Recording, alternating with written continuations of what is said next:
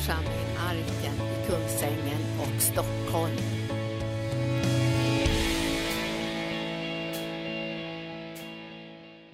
Halleluja, vi känner en röd tråd idag. Det är som att budskapet följer en, en, linje och det tycker vi är ganska spännande. För ofta pratar inte pastor Gunnar och jag om vad vi ska predika och vad Gud har lagt i våra hjärtan. Och så märker vi att det går alltid åt samma håll.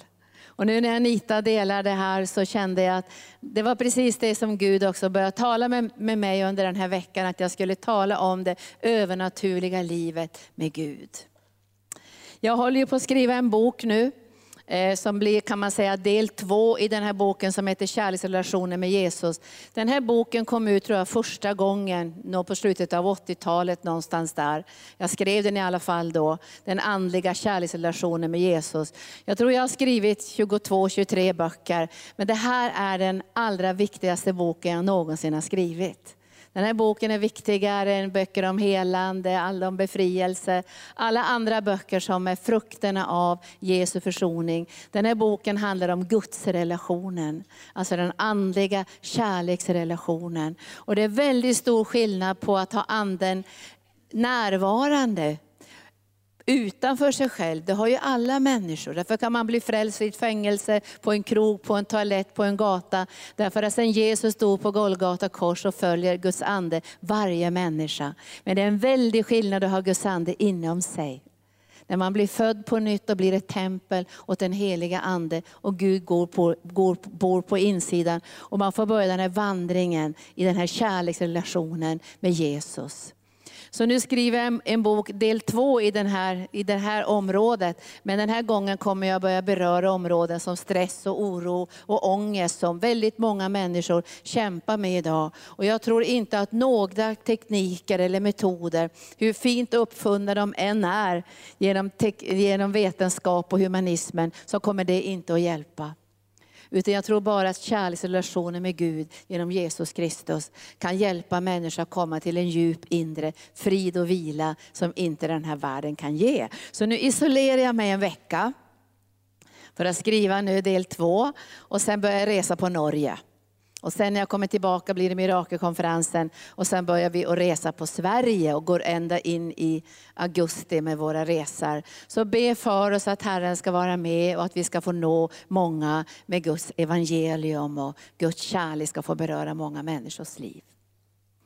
Ja, vi ska börja läsa idag från Johannes evangelium och det är från kapitel 6. Och det här berör också det här som Anita tog i kollekttalet, det här brödundret. Och jag ska läsa ifrån Johannes då när Jesus säger i kapitel 6, så står det i versen 26 så här. Och då säger Jesus i 6 och 26, och det berör det här brödundret, när så många människor fick sina behov mötta så säger Jesus här, jag säger er sanningen. Ni söker mig inte för att ni har sett tecken, utan för att ni fick äta av bröden och bli mätta. Arbeta inte för en mat som tar slut, utan för en mat som består och ger evigt liv, som Människosonen ska ge er på honom som Gud Fadern har satt sitt sigill. De frågade honom, vad ska vi då göra för att utföra Guds verk? Jesus svarade, detta är Guds verk, att ni tror på den som han har sänt. Och det här ska vi tala lite grann om idag, den här övernaturliga dimensionen och det naturliga livet. För vi lever ju i världen, men Bibeln säger att vi ska inte leva av världen. Vi ska inte fly ut ur världen, vi ska leva i världen. Men vi ska hämta vår näring ur en annan källa än där världen hämtar sin näring. För vi är kallade och födda på nytt till ett övernaturligt liv. Och Gud kallar oss för kungar och präster som ska regera i den här världen. Och alla vi måste ju arbeta med situationstecken arbeta för att också få vår naturliga försörjning. För Bibeln säger ju att man, den som inte arbetar ska inte heller äta. Men vi ska titta lite grann på förhållningssättet till arbete. För det hände någonting i syndafallet när det gällde arbete. Ni vet att när, när, när, den första människan skildes från Gud, då hände det någonting med skapelsen. Därför Gud hade ju tänkt innan syndafallet att i kärleksrelationen med honom skulle alla de gåvor som Gud hade lagt i människan, naturliga gåvor och andliga gåvor, tillsammans med honom göra hela den här världen till ett fantastiskt paradis. Visst är det underbart det?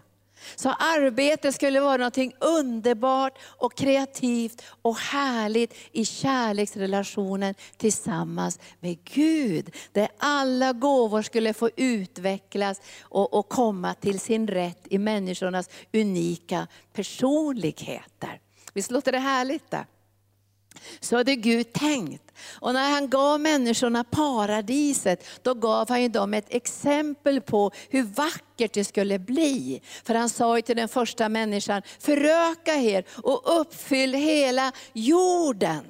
Och så står det i flera salta salmer, hela jorden ska uppfyllas av din härlighet.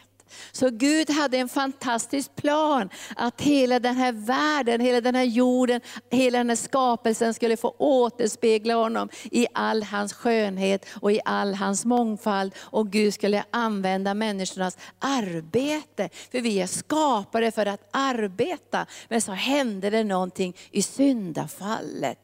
Och marken blev förbannad, står det i första Moseboken kapitel 3. Och så står det, så skulle det komma upp tistlar och törnen. Det skulle bli jobbigt. Det skulle bli jobbigt. Och, och det beskrivs ju det här att, att du ska få arbeta i ditt anletes svett.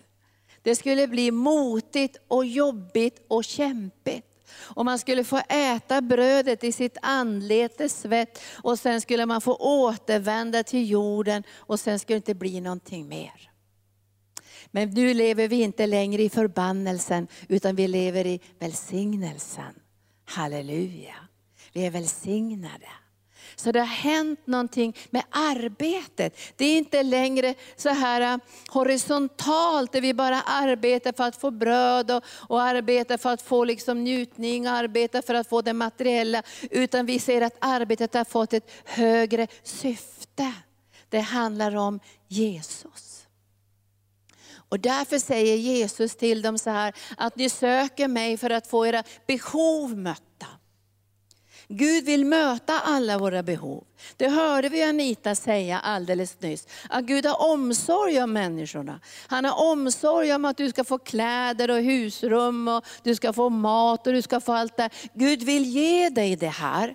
Men kommer du ihåg vad Gud säger? Han säger så här, sök först mitt rike och min rättfärdighet, så ska allt det andra tillfalla dig, komma dig till del som en välsignelse och som en gåva. Så var det tänkt i begynnelsen. Och jag tror att genom Jesus Kristus återför Gud in i våra liv paradiset. Guds rike är invärtes i oss. Och det här förändrar våra liv, vårt sätt att tänka, vårt sätt att prioritera. Därför att när världen får styra över våra liv så tar världen allt. Världen kommer att ta all vår tid. Världen kommer att ta det bästa av våra gåvor. Världen kommer att ta alla möjligheter för dig att tjäna Gud. Världen kommer att ta söndagsmötena, världen kommer att ta din kraft. Världen kommer att ta allting om inte du förhåller dig rätt till arbeta. Och lägger det på altarplatsen så det får tjäna Gud. Det här säger Jesus är viktigt och säger han, ni söker mig för att få era behov mötta. Och ibland möter man människor som bara har en sån relation med Gud. Att möta mina behov Gud. Jag har behov av det här och det här och det här och det här. Det här är mina behov Gud. Och så får man sina behov mötta och så berättar man sina behov igen. Och jag tror Gud han älskar alla människor och han vill att vi ska få berätta våra behov och göra dem till önskningar. För Gud har omsorg om oss. För han heter överflödes Gud.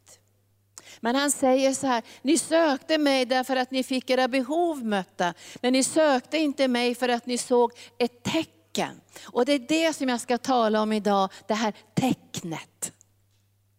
Därför att när du arbetar i skola, omsorg, kanske i businessvärlden, du arbetar hemma, du arbetar i ditt företag, så ska Gud visa dig sin hand sin närvaro och du ska se Gud och du ska söka efter gudomliga tecken på hans närvaro.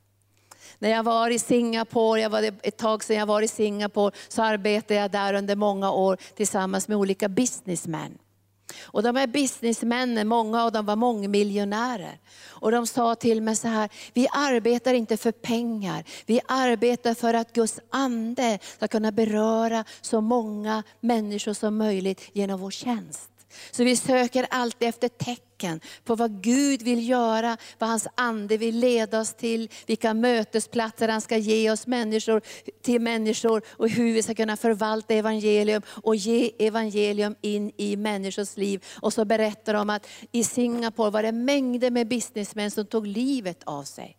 Och jag trodde inte att det var så många som de beskrev, därför det var ett sånt hårt klimat i businessvärlden. Och många av de här företagarna gick i konkurs, förlorade allt. Och de hade ingen kontakt med Gud, de var besvikna, de kände hopplöshet och de kände skam, för de hade inte klarat av sina liv. Och så hade de möten, och jag var med och predikade i många av de här mötena, så de kallade på businessmän som hade misslyckats i sina affärer, för att få möta Gud och bli förvandlade förvandlade genom den heliga Ande. Får en ny inställning till sitt arbetsliv och blir evangelister, flörda med den heliga Ande.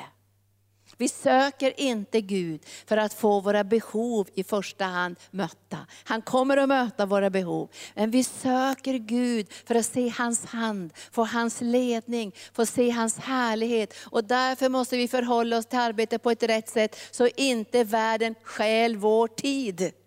Och därför måste vi i anden proklamera ut att jag ska ha all tid jag behöver för att tjäna Gud. Eller hur?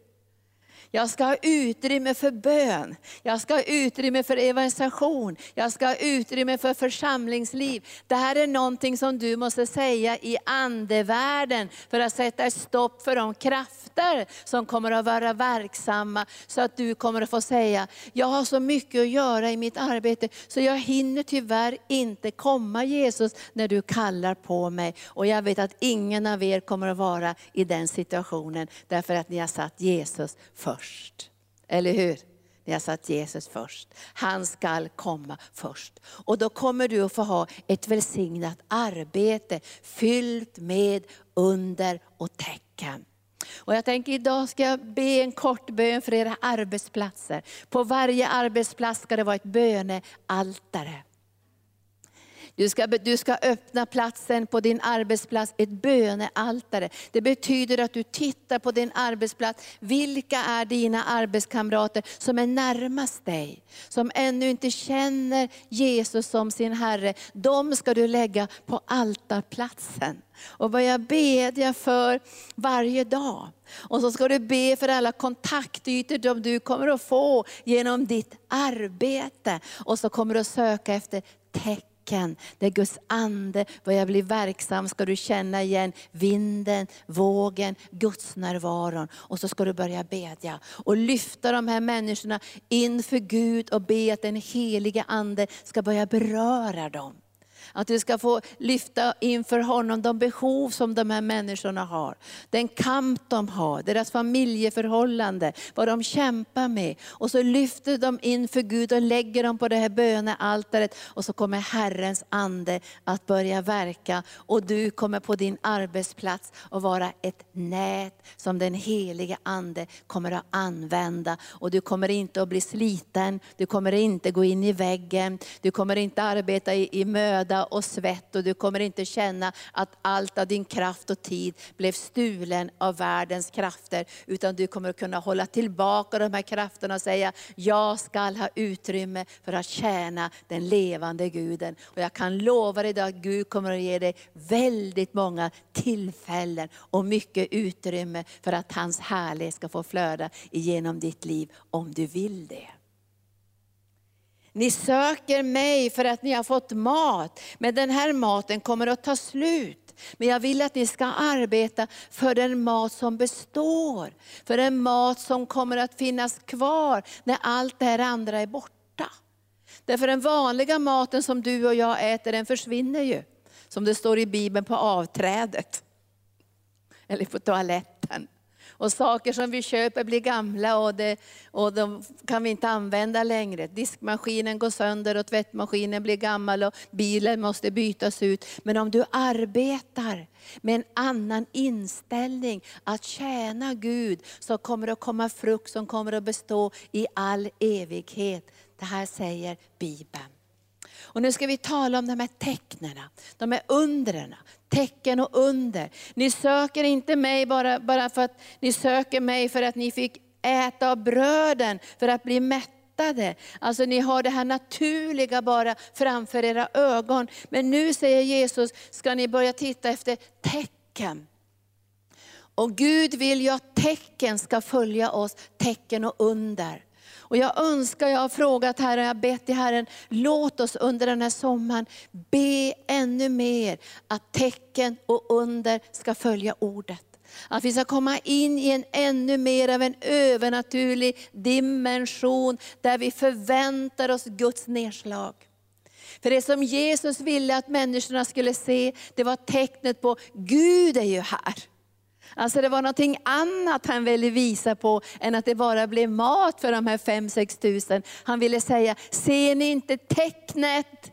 Gud är närvarande. Det är tecknet. Gud är ju här. Annars skulle det här miraklet aldrig kunna ske, säger Jesus, om inte Gud hade varit här. Det är det som är tecknet. Och när ni förstår det här tecknet, då förstår ni också att i vilken situation ni än kommer in i, så kommer Gud att gripa in. Och det är viktigare än att ni vid något speciellt tillfälle får era behov mötta. Tecknet är, Gud är närvarande, hans makt är här. Och när hans makt är här så kommer varje situation som du och jag kommer in i att kunna få en övernaturlig lösning genom den helige Ande. Ska vi få ett halleluja. Tack Jesus. Tecken och under, tecken och under. Och jag ska bara snabbt läsa innan vi går in i, i, i, i, en del i texten som jag ska ha idag. Så ska vi bara läsa om, det var tecken och under, tecken och under, det låg så naturligt. Och vi börjar bara titta någonting i Apostlagärningarna. Och i Apostlagärningarna så står det bland annat så här i, i Apostlagärningarna, vi ska ta några bibelställen från Apostlagärningarna, vi kan ta 5 och 12 till exempel. Så står det så här, genom apostlarnas händer skedde många tecken och under bland folket. Och så står det i, i Apostlagärningarna 8 och 6 att genom Filippus så, så gjorde Gud många tecken och under. Genom Filippus, Apostlagärningarna 8 och 2, 8 och 6. Många tecken och under. Alltså många demonbesatta blev befriade, många som hade orena andar, halta människor, människor med handikapp blev helade. Många tecken och under. Och det står också i Apostlagärningarna 6 och 8 att genom Stefanus gjorde Gud många tecken och under. Alltså det här var någonting naturligt, övernaturligt i apostlarnas liv i apostlagärningarna som det beskrivs. De flödar i den heliga Ande med under och tecken. Alltså de räknade med Gud. De räknade med Gud. Och jag tror att om du och jag börjar arbeta på ett rätt sätt, då kommer vårt arbete att komma in i det som Bibeln säger, arbetarna är få, men skörden är stor. Och jag tror att om vi får ett rätt förhållningssätt till arbete, så kommer inte arbeten att vara få. Utan arbetarna kommer att vara många. Därför Gud kommer att kunna arbeta, arbeta och använda varje arbetsplats för sin underbara plan och Andens ledning. Under och tecken. Och då ska vi gå till huvudtexten idag, där vi ska titta på under och tecken tecken, den övernaturliga dimensionen av den helige Ande. Markus evangelium kapitel 16 står det om under och tecken, en övernaturlig dimension av den heliga Ande. Och vi ska be idag att vi ska börja förvänta oss att Gud ska verka på ett övernaturligt sätt. Att han ska stadfästa ordet med tecken och under. Därför det kan inte bli ett under om inte det är ett tecken. Tecknet är Gud är här, då kan det ske ett mirakel. Då sker det ett mirakel. När vi söker efter tecken. Tecken på Guds närvaro, tecken på Guds hand, tecken på Guds ledning, tecken på Guds inspiration. Så söker vi efter rätt tecken, tecken på Andens närvaro. Och Herren säger i Markus evangelium, i versen 20 kan vi börja läsa först, i 16 kapitlet. Och de gick ut och predikade överallt. Överallt predikar de. Det var inte så att de sa, ja men vi kan predika på vissa ställen, men vi kan inte predika på vår arbetsplats. Där kan vi inte predika. För där har de sagt att vi absolut inte får predika. Men Bibeln säger att vi ska predika överallt. Så det betyder att du och jag måste bedja som arbetar kanske på en världslig arbetsplats. Gud öppna dörrarna, bered vägen så att jag kan predika evangelium här. Och Gud kommer att ge övernaturliga tillfällen om du börjar arbeta tillsammans med den helige Ande. Där människor kommer att fråga, hur kan du ha en sån glädje? Hur kan du ha en sån kärlek, sån tålamod med människor? Vad är det som finns i ditt liv? Därför du arbetar inte ditt anletes svett. Utan du arbetar tillsammans med Jesus. Och det är en väldigt stor skillnad att arbeta med Jesus, eller bara arbeta för att få ut sin lön den 25 varje månad. Tänk att få arbeta med Jesus och bereda utrymme för hans härlighet, där Gud har ställt dig på din arbetsplats. Eller vad säger du Joshua? Visst är det häftigt när det här sker, om man ser predikostolen. Du berättade för mig Joshua, plötsligt såg du predikostolen. Det var när vi var här och berättade för oss att man ska vara öppen i anden för predikostolen. Plötsligt kommer den. Den kan komma i taxin, i mötet med, med, med en kund, den kan komma i mötet med en patient. Plötsligt finns predikostolen där. Plötsligt öppnar Gud en dörr för dig att ge evangelium om Jesus. Därför det blir övernaturligt genom den helige Ande. Därför du arbetar inte för den mat som förgås, utan du har en medvetenhet att du är ställd här för ett högre syfte. Då blir det mening med arbetet, då blir det inspiration, då blir det glädje, då blir det förväntan. Man tänker halleluja, när ska det hända? Där ska det hända. Och så händer det. Och så är Gud där. Och så verkar han. Och så flödar den helige Ande. Och du tänker kanske idag, men du Linda har ju nästan aldrig jobbat på något vanligt jobb. Ja det är sant, jag har inte det. Men jag fick ett tillfälle 14 dagar i alla fall. Annars har jag arbetat i Guds församling under hela mitt liv. Men jag fick två veckor på ett äldresjukhus. Jag tror jag har berättat det många gånger. Jag kommer ihåg att jag skulle jobba där i två veckor för att få loss lite pengar för att åka till Israel. Och jag började be på en gång, halleluja, vilket tillfälle tänkte jag. Här ska alla bli frälsta tänkte jag. Här ska det bli öppningar och här ska det bli, den helige ande ska få verka. Och när jag kom dit så fick jag få gå på kurs först och de var ju ganska bestämda så där rent allmänt att nej, men man får inte säga, man får inte påverka patienterna. Och, och jag tänkte, det, gör vi, det, det är ju inte så att man går fram till folk och tvingar dem att bli frälsta. Utan jag tänkte så här att patienterna ska vara öppna och det ska beredas plats för patienterna att ställa frågorna till mig. Gud ska verka med sin ande. Och det var förunderligt. För jag sa till Herren, jag skulle, vilja, jag skulle vilja be för alla på hela sjukhuset. Det var ju massor med våningar, det var ett jättestort sjukhus för människor som var nära döden. Och jag bad till Herren, öppna dörrarna för mig. Och jag märkte att många som låg där var ju kristna. Men det var ju ingen som hade sagt någonting om Jesus. Men när jag kom in i de här sjukrummen så bad jag i tungor hela tiden. Och jag bad heliga Ande öppna dörren, bered vägen så att jag kan få ge dem någonting av dig Jesus. Och det bereddes varenda dag fick jag möjligheter att säga någonting om Jesus. Och jag bad om beskydd också så att ingen skulle bråka med mig. Och det gjorde ju inte någon, för de ville ju veta om saker om Jesus och ställde ju frågor. Och sen sa jag till Herren, jag, jag måste få komma på flera avdelningar. Och så kom en av ledarna och sa, ja, men Linda vi ska ändra ditt jobb den här sista veckan. Du ska få, du ska få raka alla äldre män, eller alla är män då, i hela sjukhuset. Börja upp och så går du rakt genom alla avdelningar. Halleluja. Åh, oh, vad det vart en rakning ledd av den heliga Ande. Och jag rakade dem och jag bad i tungor och, jag, och Jesus älskar dig. Åh, oh, liksom, låt din kärlek Jesus bara flöda in i deras hjärtan. Bara sådana korta böner. Och så när veckorna hade gått över, jag kände mig så otroligt salig. För det var som att Gud hade öppnat dörrarna. Och så kom jag tillbaka från Israel och så läste jag i tidningen att det blivit en, en epidemi och det hade träffat just det här sjukhuset. Och det var, jag tror de skrev att det var mellan 40 och 60 procent av alla de här äldre som hade dött i den här epidemin. Och då tänkte jag så här, tack Jesus, en dag kommer jag möta de här. Då är de inte gamla och sjuka och ligger i de här sängarna, utan då, då är de i himlen, fräscha, starka, jublande. Och de kommer säga, tack att du beredde plats för Jesus när du arbetar här de här veckorna. Gud kommer att ge utrymme för dig. Om du arbetar på rätt sätt.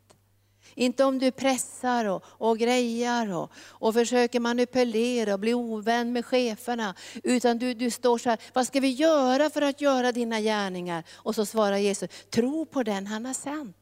Tro på att han är närvarande på det här sjukhuset där du jobbar. Tro att han är närvarande i businessvärlden där du möter de här människorna. Tro att han är närvarande när du arbetar i politiken. Gud är närvarande där. Och vi ska be idag om en känslighet i den heliga Ande. Så att Gud ska kunna samverka. Och det står att de predikade överallt. Och Herren verkade tillsammans med dem. Jag läser 20 versen. Herren verkade tillsammans med dem. Visst låter det vackert det? Tillsammans med dem. Och så står det, vad gjorde han då? Han bekräftade ordet genom tecken som åtföljde ordet. Alltså det var tecken som åtföljde ordet. Därför, vad var det för tecken som åtföljde ordet? För att förenkla det här ska jag kunna säga att ordet sa, Gud är här. Ordet sa, Gud är här. Så när ordet förkunnades, eller det gavs ett vittnesbörd, eller bara någonting som man sa om Jesus, då, då började Guds ande säga, det är inte bara ett teoretiskt ord som är här, utan Gud är här. Därför kan det ske ett mirakel.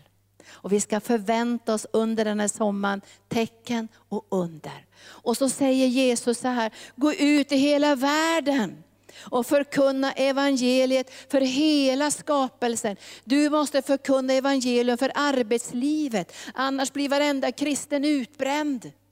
Neddragen, går i väggen, får sjukdomar. Därför att världen kommer att kräva allt. Men om du helgar ditt arbete till Herren och låter Guds heliga Ande vara närvarande i ditt arbete, så kommer du upp på ett annat plan där du kommer att tjäna Gud för ett högre syfte. Och därför måste evangelium predikas för hela skapelsen, för marken, för träden, för fåglarna och säga förbannelsen är bruten genom Jesus Kristus. Och nu kommer alla kreativa gåvor som finns hos människor att komma till sin rätt i Jesus Kristus. Därför dessa tecken ska följa de som tror. Den som tror ska bli döpt och bli frälst. Den som tror och blir döpt ska bli frälst, men den som inte tror ska bli fördömd. Dessa tecken ska följa de som tror. Dessa tecken ska följa de som tror. Jag stannade vid det i morse, följa de som tror. Alltså de här tecknen ska följa med oss därför att vi tror på Jesus. Vilka gärningar ska vi göra? Vi ska tro på Jesus. Att han är närvarande på din arbetsplats. Han är närvarande i mötet med människor. Där är han närvarande. Och du ska lyssna in i din ande för att få en övernaturlig ledning från Gud. Dessa tecken ska följa de som tror. Och det är fem olika tecken. Och jag ska stanna väldigt kort vid det nu. Fem olika tecken ska följa dig som tror. Det första tecknet är att du har Guds ande i dig. Det är det första tecknet. Du har inte bara Guds ande vid, vid sidan om dig, eller att du, du är fortfarande icke kristen, men klart att Guds ande följer varje människa som inte är kristen. Men tecknet är att Gud har flyttat in i din ande, det är det första tecknet. Gud bor i dig. Vad är det för tecken? Och du kommer att tala i tungor. Det är det första tecknet. Ett övernaturligt tecken att du är född på nytt. Du kan tala i tungor. Och Det här är avgörande för dig på din arbetsplats, att du lär dig att tala i tungor tyst. Att du talar i tungor. Och Det står ju i Bibeln att vi ska ha den ständiga bönen. Och En del av den ständiga bönen är att du kan tala i tungor så blir varje sak som du gör ledd av den heliga Ande. Du kommer att städa ledd av den heliga Ande. Du kommer alltid ha det lilla extra. När Johannes Amris var här så berättade han att när han hade lämnat eh, Märsta pingsförsamling och startade här i Stockholm, den här nya församlingen. Då blev nästan alla som blev frälsta, de kom från gatan. Det var människor som var uteliggare, det var alkoholister, narkomaner. Det var ingen som hade ett, ett vanligt arbete. Så hans kollekter blev bara några slantar som skramlade. Och han hade jättestora behov för hela missionsarbetet och allt som skulle göras. Och då började han titta efter det lilla extra. Och så berättade han om en kvinna som brukar städa i kyrkan och hon hade det här lilla extra. Man kunde känna när man kom in på toaletten att det var någon som hade städat på ett annat sätt än bara städat. Det var det här lilla extra. Det var någonting som hade gjorts för Gud. Och så berättade han att han började titta efter det här, vilka gåvor som människorna hade. Och så sa han till den här kvinnan som städade med det lilla extra, kanske du skulle starta ett företag och, och börjar städa så kommer alla att se att du städar på ett annat sätt än de som inte städar tillsammans med Jesus. Och så startade hon ett företag och idag berättade han att många, många av dem som förut bara levde kanske från, från munnen, från handen till munnen och fick leva på, på, på stöd från samhället, börjar nu flöda i den heliga Ande i sitt arbete och blir församlingens försörjare. Därför man, det är väldigt skillnad att arbeta för bara för att få sitt eget behov mött. Men att samarbeta med den helige Ande för ett högre syfte. Det första tecknet, du har tungotalet. Du kan tala i tungor, du har direkt kontakt med Gud. Det är det första tecknet. Du och jag har kontakt med Gud. Det andra tecknet säger Jesus, så säger han så här, att ni ska driva ut onda andar i mitt namn. Det är det andra tecknet som du har, att mörkret får böja sig. Och jag blev så nästan förvånad, jag hade nog inte kanske förväntat mig det när vi kom på New Age-mässan första gången att det skulle kännas på det här sättet. Jag hade förväntat mig att nu skulle vi komma in i ett mörker. Och vi skulle få kriga så vi nästan fick blodutgjutelser för att få en liten plats av, av där vi kunde stå i en viss frihet. För jag tänkte det är ett kompakt mörker. Och jag tänkte, där är alla häxor och alla som håller på med okulta saker. Och där är alla spåmän och spåkvinnor. Det var ju tusentals människor som kom på den här mässan. Och så hände det någonting märkligt. Jag ställde mig på det här mässgolvet och så kände jag, alla demoner böjde sig. Och jag tänkte, för vem då? För Jesus. Detta är tecknet. Och jag tänkte så här, vilken frihet. Vi kunde gå runt där runt alla bås och alla häxor och alla som spådde och allt vad det var. Och vi bara kände, här är Jesus Herre. Och jag hade en workshop och det kom 70 stycken in på min workshop. Och jag kände inte av en enda demon. Jag tänkte, var är alla demoner? Och sa Gud, under mina fötter såklart.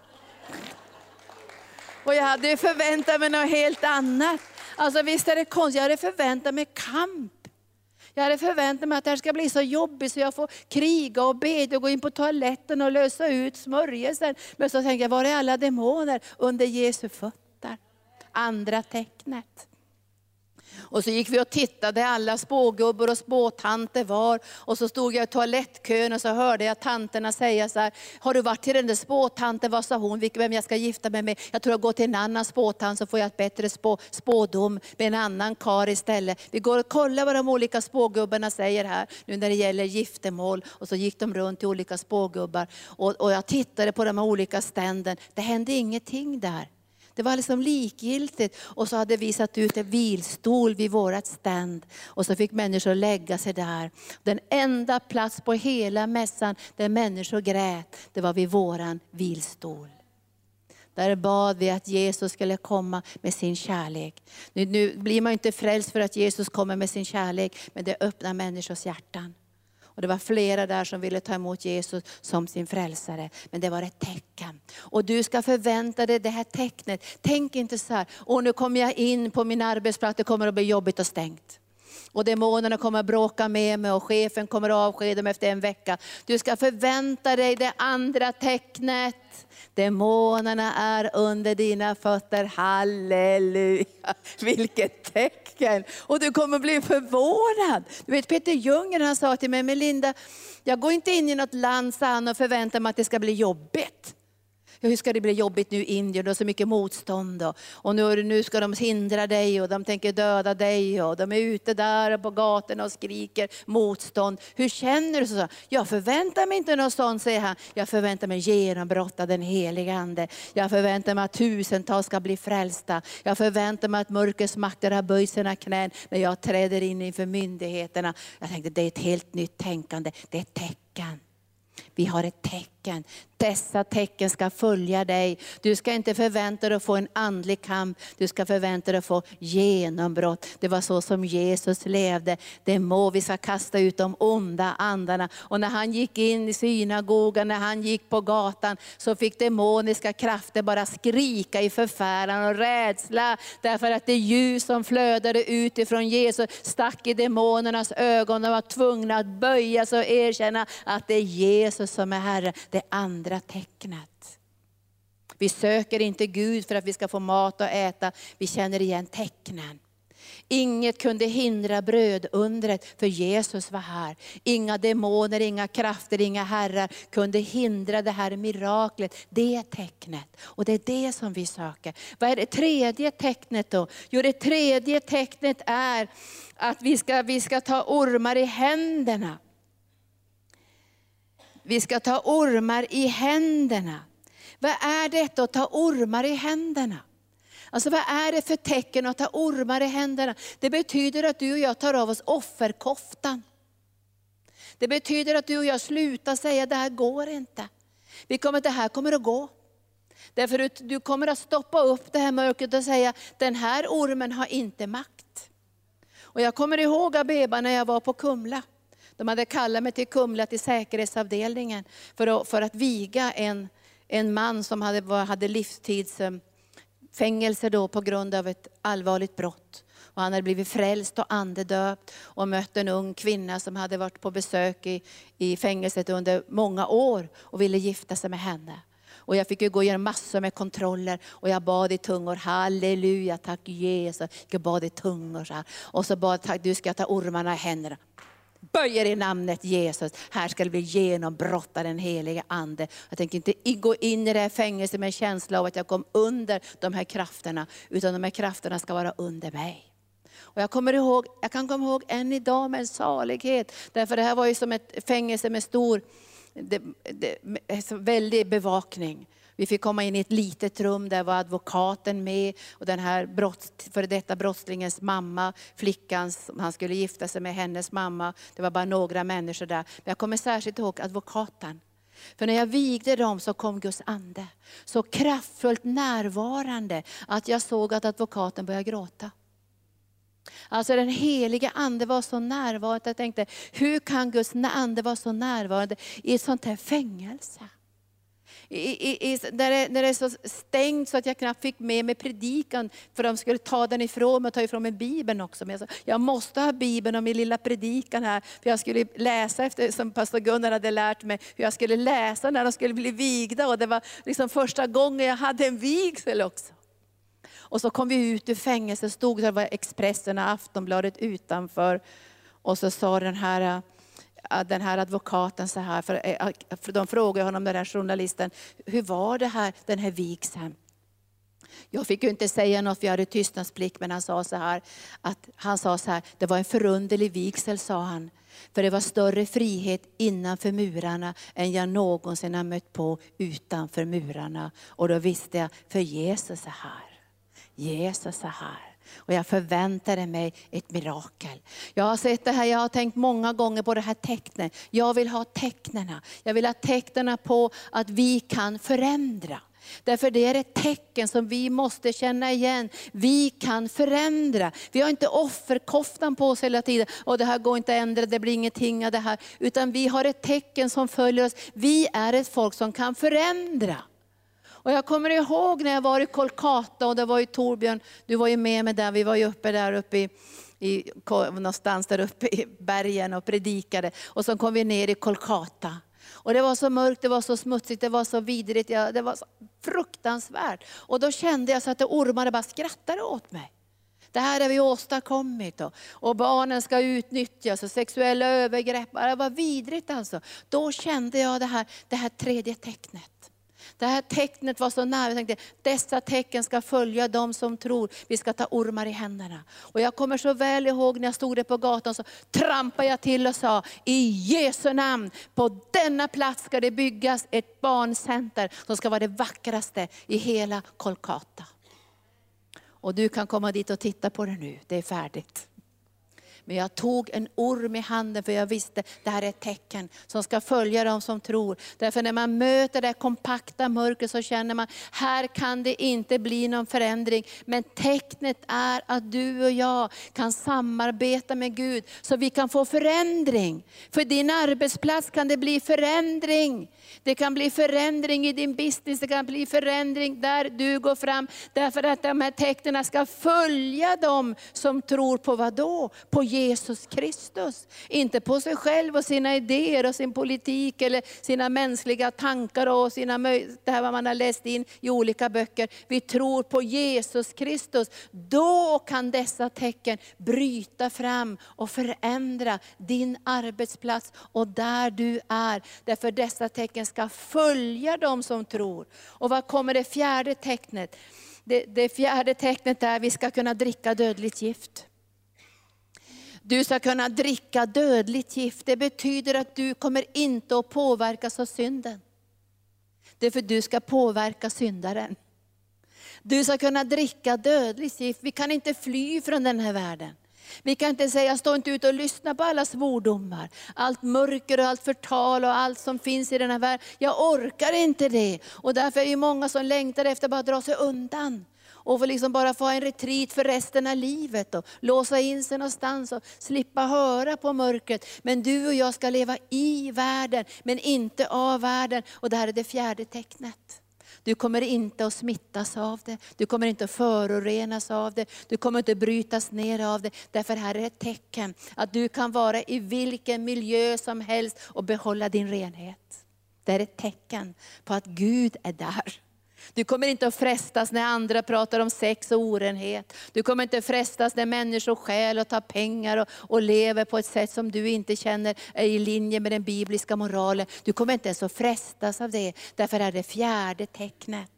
Dessa tecken ska följa dem som tror. De ska kunna dricka dödligt gift och det ska inte på något sätt skada dem. Så var du än möter synden, på vilket sätt synden än manifesterar sig, så kommer du inte att bli smittad. Därför det liv som finns i dig genom Jesus Kristus är starkare än det liv som finns i den här världen. Därför kommer du alltid att vara en övervinnare. Halleluja. Får jag ett halleluja nu? Tack Jesus, tack Jesus, tack Tack Jesus. Och vi kommer att höra mycket, men vi kommer inte att smittas. Och det här, det här, det här, det här är ett tecken. Det här är ett tecken som följde Jesus på att Gud var närvarande i hans liv. Det var ett tecken. Och Jesus säger, varför arbetar ni bara på det naturliga planet? Kan ni inte börja se tecknen som ska följa er som tror på mig? Och i tecknen följer miraklerna. När Gud börjar, börjar visa sina tecken så kommer du att börja förvänta dig mirakel. Och jag tror att vi behöver komma in i en mirakeltid. En tid när Gud manifesterar sin härlighet på ett helt nytt sätt.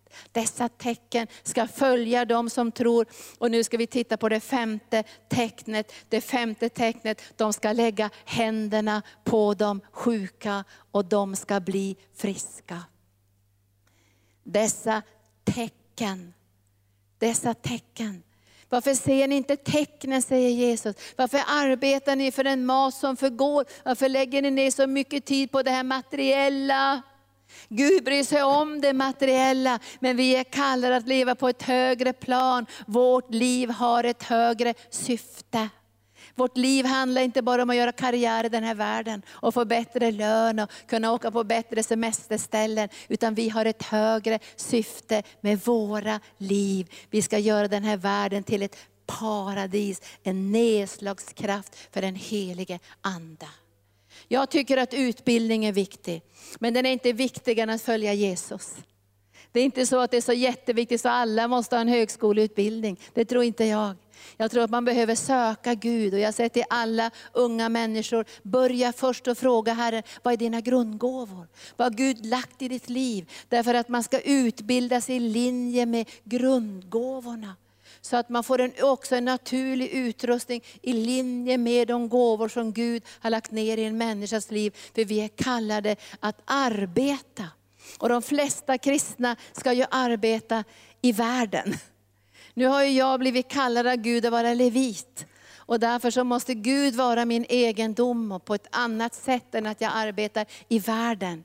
Men ibland så tänker jag så här, tänk att få arbeta i världen. Vilka möjligheter. Och jag ber till Gud att du ska ge mig möjligheterna när jag möter människor, när jag är i världen och får möta människor, kanske inte genom mitt arbete i världen, men jag möter ju ständigt människor. Jag möter ju grannar, jag möter ju folk i affären, jag möter ju människor genom mina kontakter, genom mina barn, så får jag väldigt många möjligheter att tjäna Herren och bereda mark för Jesus. Och det här ska du också få göra. Och jag går tillbaka nu till sist och jag läser det här bibelstället igen.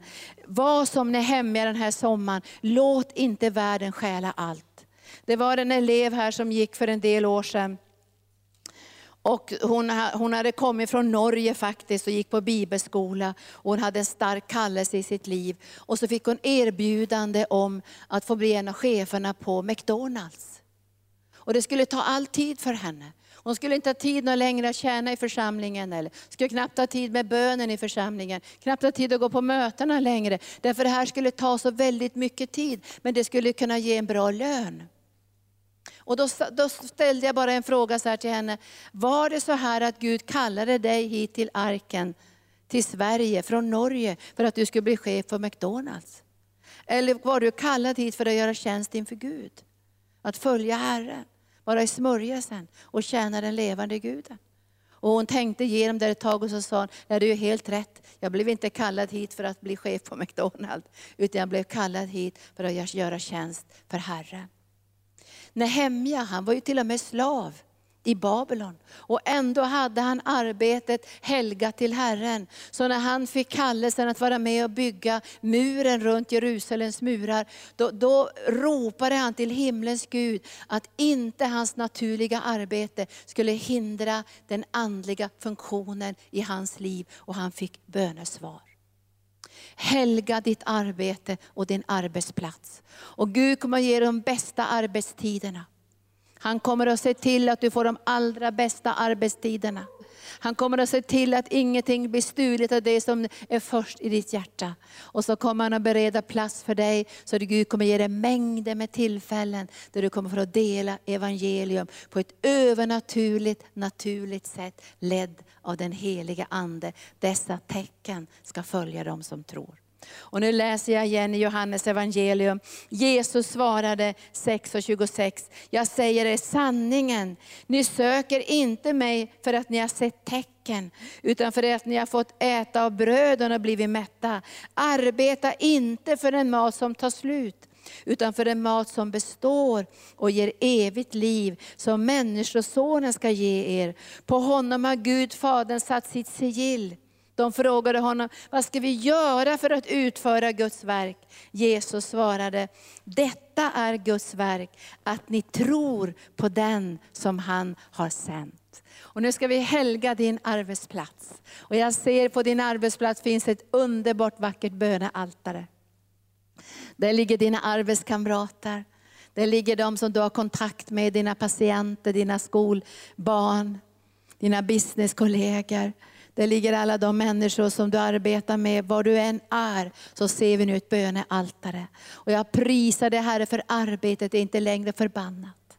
Därför förbannelsen är bruten i Jesus Kristus. Och nu ska vi få tjäna dig genom våra gåvor och göra det bästa av det bästa av det bästa. Och var hand, om vi så diskar, så ska vara en helgad hand som diskar. Och det ska vara den skönaste platsen på den här restaurangen, ska vara vid diskmaskinen, för där flödar smörjelsen. Den skönaste platsen ska vara där Guds ande får verka bland människor som känner Jesus. Där ska det bli ett flöde av den heliga Ande. Där ska Guds rike slå ner. För vi arbetar inte längre för en mat som förgås, utan vi tjänar den levande Guden för att han ska få utrymme för att göra tecken och under där vi går fram.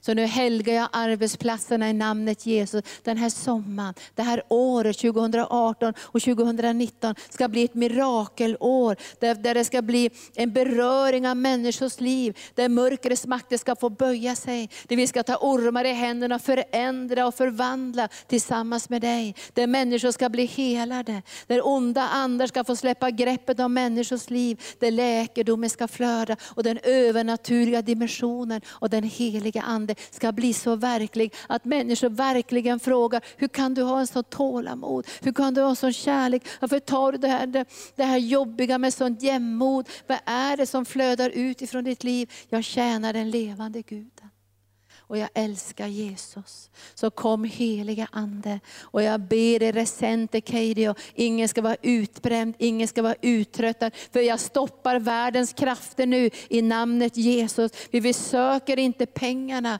vi söker inte karriären, vi söker inte det här naturliga. Vi söker din hand och din ledning. Därför vi tjänar inte under förbannelsens ok efter syndafallet, utan vi tjänar i välsignelsen, ledda av den heliga Ande ande. Och vi söker det, det vertikala, det som himlen förmedlar in i våra liv. Och vi ber Herre att vi ska få våra ögon öppnade så vi ser de människor som vi, du sänder i vår väg. Så våra ögon ser dem genom din Ande så vi kan tala till dem på ett sätt som gör att de blir berörda och förvandlade och påverkade av din Ande. Så kom heliga Ande och hjälp oss att bygga en, ett altare på varje arbetsplats. Ska elden brinna och den kommer aldrig någonsin att slockna. För vi är där för ett högre syfte, inte för att tjäna pengar, men för att tjäna den levande Guden. Så kom helige Ande med din underbara smörjelse och låt oss se möjligheterna. Bara se din hand och dina mirakler, vad du kan göra när vi har blicken på rätt ställe. Kom helige Ande, kom helige Ande. Och jag bryter också allt mörker på arbetsplatserna, allt okult inflytande. yaşandı.